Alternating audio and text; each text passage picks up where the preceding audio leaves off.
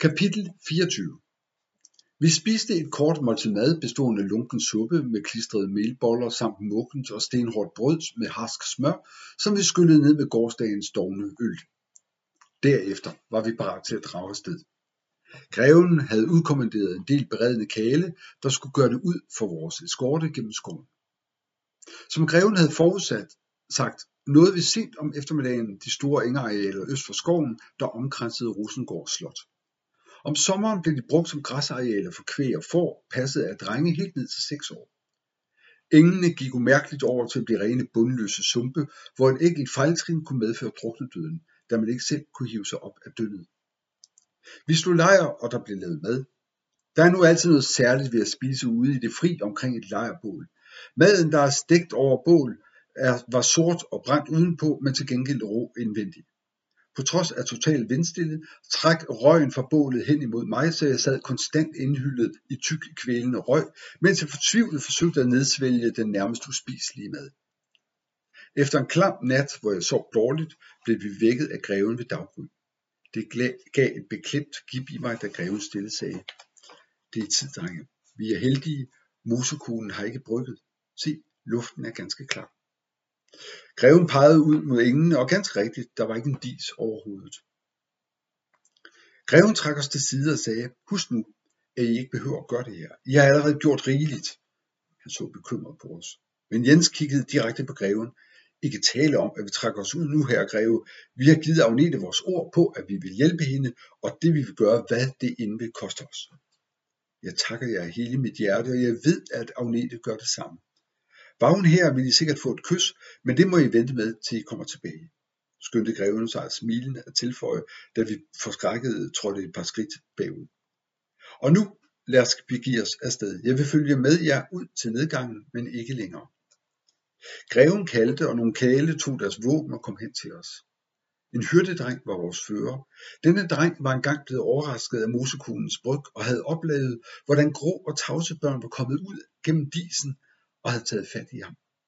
De havde ført ham hen til en lav bakke midt i engen, som viste sig at være en gravhold. Der skubbede de en stor sten til side. Under stenen havde drengen set en snoet hulvej, der førte nedad. Børnene havde taget fat i ham og ville have trukket ham med ned i hullet, hvis ikke drengens hund på det tidspunkt var kommet og havde angrebet børnene. Modigt og frygtløst, frygtløst havde hunden bidt dem, og børnene var flygtet. Hyrdedrengen huskede, at han havde stået i mange timer uden at kunne røre sig. Han havde ikke haft kræfter til at bevæge sig, men hans trofaste hund havde holdt vagt hos ham lige indtil daggry. Først da disen gik i opløsning, var drengens vilje vendt tilbage, og han blev sig selv igen. Så havde han skyndt sig tilbage til sin husbond og fortalt hele historien. Selv samme dag gik husbond og nogle kale ud for at se, om de kunne finde stedet. Drengen førte dem derhen, og de havde ganske rigtigt fundet den store sten, og set hulvejen. Men de kunne ikke rokke stenen og måtte efterlade hullet åbent. Siden havde alle hyrder på engen undgået det sted, som var det fanden selv. Vi fulgte en veksel, der snudede sig ud og ind mellem engene, der var så fugtige, at man kunne se vandet mellem græsstålen. Udmærkeligt blev den lune foreslået øh, flugt køligere, og en let dis lagde sig omkring os. Snart kunne vi se gravhøjen. Da vi kom derhen, havde den, øh, så vi den væltede sten og hulvejen, der førte ned i jorden. Nu var der ikke andet at gøre end tavse at gå forbi greven og drengen og ned ad hulvejen. Ingen af os sagde et ord, men vi vidste, at greven kiggede bekymret efter os. Den eneste lyd, der hørtes, var lyden af den våde jord, som vores fødder sank tungt og sjapnede ned i. Jeg frøs min tæer og var kold helt i til maven. Som vi kom længere ned ad hulvejen, blev mørket efterhånden tættere.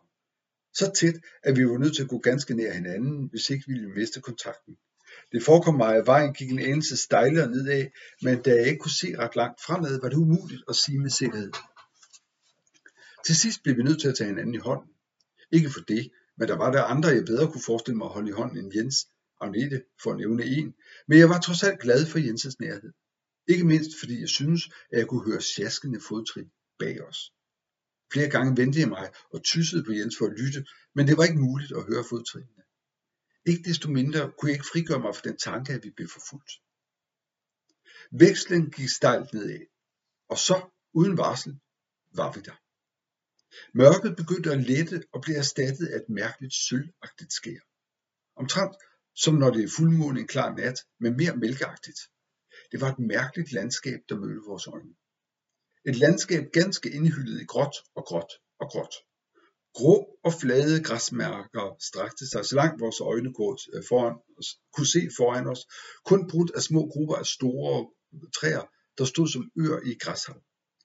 Lange, lave bakker rejste sig som store bølger, men alt var gråt og stille. Stille som døden. Ikke en lyd hørtes, heller ikke vindens susen, for der rørte sig ikke en vind, selvom græsset bevægede sig frem og tilbage, som om en frisk vind blæste igennem det. Jeg kiggede op, men så ingen himmel. I stedet var der et gråt skydække, som langsomt bevægede sig i den retning, vi var kommet. Vi var nede i underverdenen, mosekunens tavse og kolde rige. Jeg så på Jens, og han så på mig. Han så mere grå ud, end han plejede, og hans hud virkede dejagtig, træ og tyk. Jeg så på mine hænder, og opdagede, de til forveksling mindede om Jenses. De var grå, næsten hvide, neglene var glansløse, og fingrene var stive og kolde. Jeg frøs pludselig. Selv den røde trøje, som grevinden så venlig havde givet mig, var mere grå end rød. Det lød til, at det specielle lys hernede ud alle farverne, så alt blev gråt og kedeligt. Og hvor stammede det lys egentlig fra? Der var ingen sol, men alligevel kunne vi se alt meget tydeligt. Uden at sige noget, begyndte vi at gå. Vi satte kursen mod den nærmeste bakkekamp i håb om at kunne se noget derfra.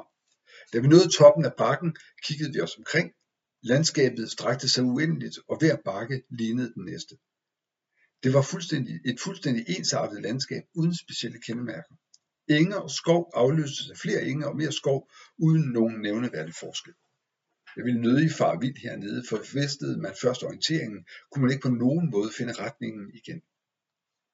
Vi bevægede os længere ind i landskabet. Længe så vi ikke andet end de tilsyneladende uendelige græsletter, men da vi satte os ned for at holde hvil, lagde jeg mærke til nogle bevægelser i bakkerne længere frem.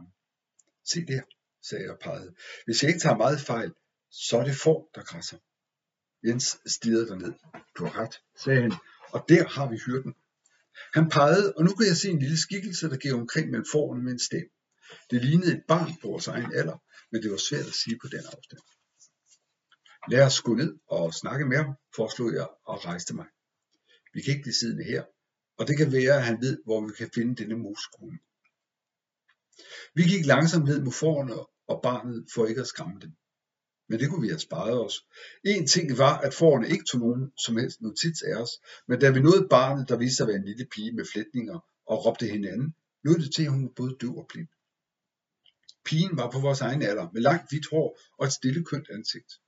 Hun stirrede igennem os, som om vi ikke eksisterede, og hun svarede ikke, da vi talte til hende. Hun fortsatte blot med at gå omkring, som var hun helt alene på marken. Hun var meget bleg i huden, og hendes øjne var tomme og glansløse. Jeg stillede mig hen foran hende. Hej du, sagde jeg med min mest venlige stemme. Kan du vise os vejen til mosekuglen? Vi vil meget gerne snakke med hende. Pin lod overhovedet ikke til at høre mig. Hun gik stille udenom mig og fortsatte med at sige ingenting. Paul, sagde Jens, jeg tror ikke, hun kan høre dig. Vi hører ikke til i hendes verden, og hun kan jo nok kun se det, som tilhører mosekuglen. Og det gør vi ikke. Endnu da, tilføjede han dysters. Lad os hellere vente og se, hvad der sker. Jeg har fået en idé, som jeg tror vil virke helt fint. På et tidspunkt skal hun have dyrene tilbage til en stand, så følger vi efter. Indtil da sætter vi os ned og venter. Ikke tale om. Jeg gider ikke sidde her og vente, mens det bliver koldere og koldere. Se nu her. Hurtigt var jeg henne ved pigen og greb hende i armen. Men pigen vristede sig totalt upåvirket ud og uden besvær ud af mit greb med en styrke, jeg ikke havde forventet. Det næste forsøg på at holde hende tilbage gik ikke bedre. Måske havde Jens ret.